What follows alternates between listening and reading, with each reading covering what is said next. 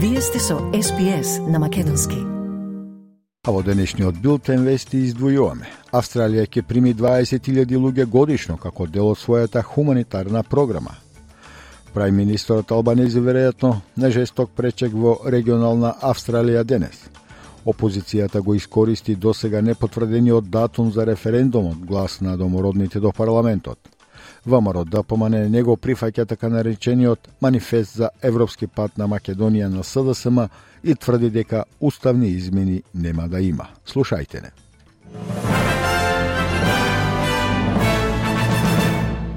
Австралија ќе прими повеќе луѓе како дел од својата хуманитарна програма.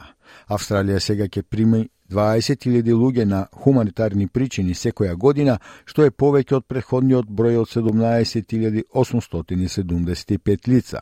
Министерот за имиграција Ендрю Гилс вели дека зголемувањето ќе ја овозможи на Австралија да игра поголема улога во справувањето со глобалната хуманитарна криза. Повеќе од 2 милиони луѓе на глобално ниво имаат итна потреба од преселување, а 100 милиони луѓе се насилно раселени. Господин Гилс вели дека и покрај оваа промена, политиката за заштита на границите на Австралија останува непроменета а говернерот на Резервната банка во заминување Филип Лоу го отфрли замрзнувањето на киријата како одговор на стамбената криза.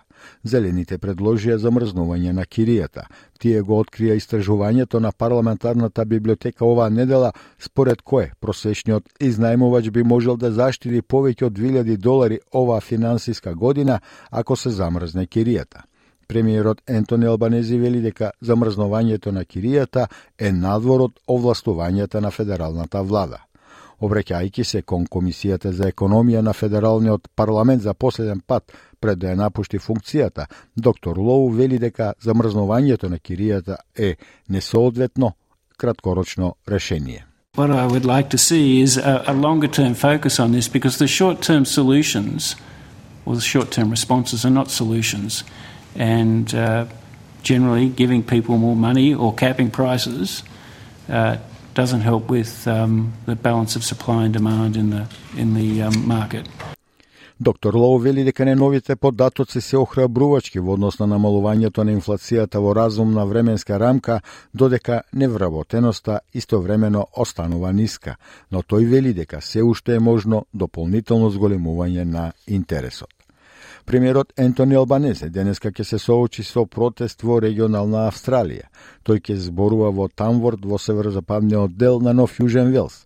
Тој ќе се фокусира на промовирање работни места во регионална Австралија, како и на борбата против климатските промени, финансирањето на отпорноста на сушата и ветувањето подобра здравствена, комуникацијска и транспортна инфраструктура во регионална Австралија.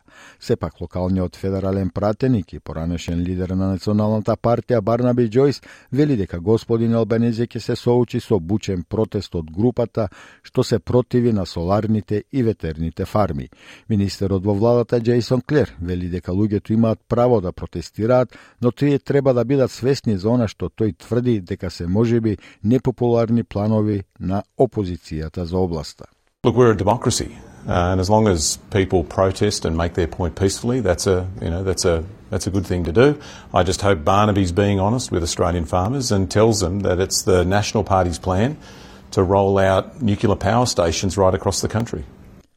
Федералната опозиција го зема предвид немањето официјален датум за референдумот за домородниот глас до парламентот како уште еден пример за како што вели влавата не е директна со австралискиот народ во врска со ова прашање. Многумина, вклучително и лидерот на опозицијата Питер Датон, очекуваат референдумот да се одржи на 14 октомври, но два месеца од овој потенцијален датум тоа не е потврдено. Господин Датон изјави за Nine Network дека тоа е манифестација на поширок проблем и причина зошто резултатите од анкетите за предложениот домороден глас до парламентот се лоши. It's hard to get a straight answer out of the government, uh, even on what the date will be in relation to the voice. And I just think there are millions of Australians out there saying, look, we want to do the right thing by Indigenous Australians. We want better outcomes in schools and attendance rates and health outcomes and housing, uh, employment, etc. But uh, making the biggest change to our constitution in our country's history without the detail uh, is something that causes a lot of Australians concern. Федералната влада вели дека ќе продолжи да се залага за притворената австралијска новинарка Ченг Лей, бидејќи се навршува три годишнината од незиното затварање во Кина овој викенд. Господја Лей објави изјава во која со задоволство се сеќава на времето во Австралија и открива некои ужасни детали од низиниот притвор во Кина. Таа вели дека може да стои на сонце само околу 10 часа годишно во својата келија. Министерката за надворешни работи Пени Вонг вели дека мислите на сите австралици се со господја Леј и дека сакаат да ја видат повторно соедината со незините две деца. Господја Вонг вели дека Австралија постојано бара од Кина да се придржува до основните стандарди за правда, процедурална правичност и хуман третман во случајот со господја Леј. Телстра вели дека пет од незините шест најкористени јавни телефони во Австралија претежно се користат од регионалните и домородните заедници во северната територија. Компанијата ги направи јавните телефони бесплатни за повеќето повеци во август 2021 година. Во извештајот се вели дека повеќе од 2 милиони бесплатни повици се прават од телефоните секој месец. Главниот застапник за клиенти на Телстра, Тереза Корбин, вели дека бесплатните повици им помагаат на најранливите австралици да бидат во контакт со виталните услуги. In the past year, over 250,000 free calls were directed to emergency services, and we also saw a really significant spike in the calls to essential helplines, including over 12,000 calls to Lifeline, over 12,500 calls to Headspace, nearly 86,000 calls to Centrelink's reporting line, and an additional 30,000 calls to Triple Zero compared to the previous year. Полицијата во Квинсленд денеска ќе ја информира јавноста за истрагата за пожарот во куќата во кој минатиот викенд загина татко и неговите пет деца. Полицијата соопшти дека обдукцијата на Вейн Годинет и неговите пет синови се завршени, а резултатите се испратени до нив. Нивниот двокатен дом на островот Расел во близина на Бризбен изгоре рано минатата недела наутро. Мајката на децата успеала да побегне. Полицијата вели дека не утврдила дека пожарот е сумнителен, но некои негови елементи бараат повнимателна проверка така наречениот манифест за Европскиот пат на Македонија на владеачките партии СДСМ и ДУИ деновиве цел на вербални престрелки меѓу власта и опозицијата во Македонија на неполна недела пред почетокот на собраниската седница за уставни измени. СДСМ ги повика сите партии, особено ВМРО ДПМН, да дадат подршка на овој, според партијата, важен документ за европската иднина. Дарко Каевски, пратеник на СДСМ, вчера на пресконференција рече Мицкоски и ДПМН ја имаат можеби последната шанса да се престројат на страна на државните и националните интереси. Со поддршката на манифестот и на уставните измени, ДПМН и Мицкоски на дело ќе покажат дека се за европската иднина на државата.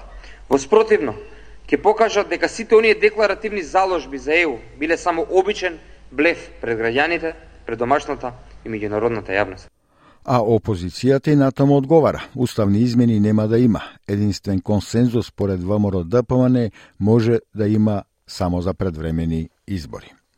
Еквадорската полиција соопшти дека еден мртов, осомничен и уште шестмена уапсени за атентат на председателски кандидат, сите се од Колумбија и се членови на организирани криминални групи. Фаталното пукање врз Фернандо Вила Висенсио оваа недела доведе некои ривали да ја прекинат и кампањата на помалку од две недели пред изборите во земјата. Председателот Гилермо Ласо вели дека побара од американските власти да помогнат во истрагата за инцидентот. Владата вели дека заедно со луѓето во притвор ги гони и како што ги нарекува интелектуалните автори на убиството. Господин Вила Висенсио беше гласен критичар на корупцијата и организираниот криминал. Министерот за одбрана на Еквадор Луис Лара рече дека вооружените сили на земјата ќе обезбедат мирен изборен процес во Еквадор. Las Fuerzas Armadas han iniciado The armed forces have begun the immediate deployment of their troops throughout the national territory so that there will be an armed forces presence in every city, every town. They will remain there until the conclusion of the electoral process.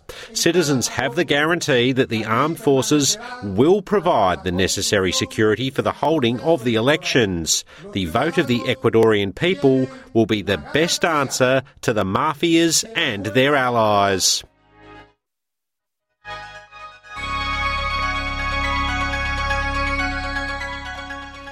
И од најновата курсна листа денеска еден австралиски долар се менува за 0,59 евра, 0,65 американски долари и 36,37 македонски денари, додека еден американски долар се менува за 55,60 македонски денари, а едно евро, евро за 61,2 македонски денари. И за крај вестите временската прогноза за утре, сабота 12 август. Во Пер делумно облачно со температура до 18 степени, Аделајд дошт до 14, Мелбурн врнежливо до 15 степени, Хобарт повремен дожд до 13 степени, Камбера утринска слана, потоа облачно до 14, Сиднеј делумно облачно до 21 степен, Бризбен претежно сончево до 27, Дарвин сончево до 32, сончево и во Алес Спрингс со температура до 29 степени.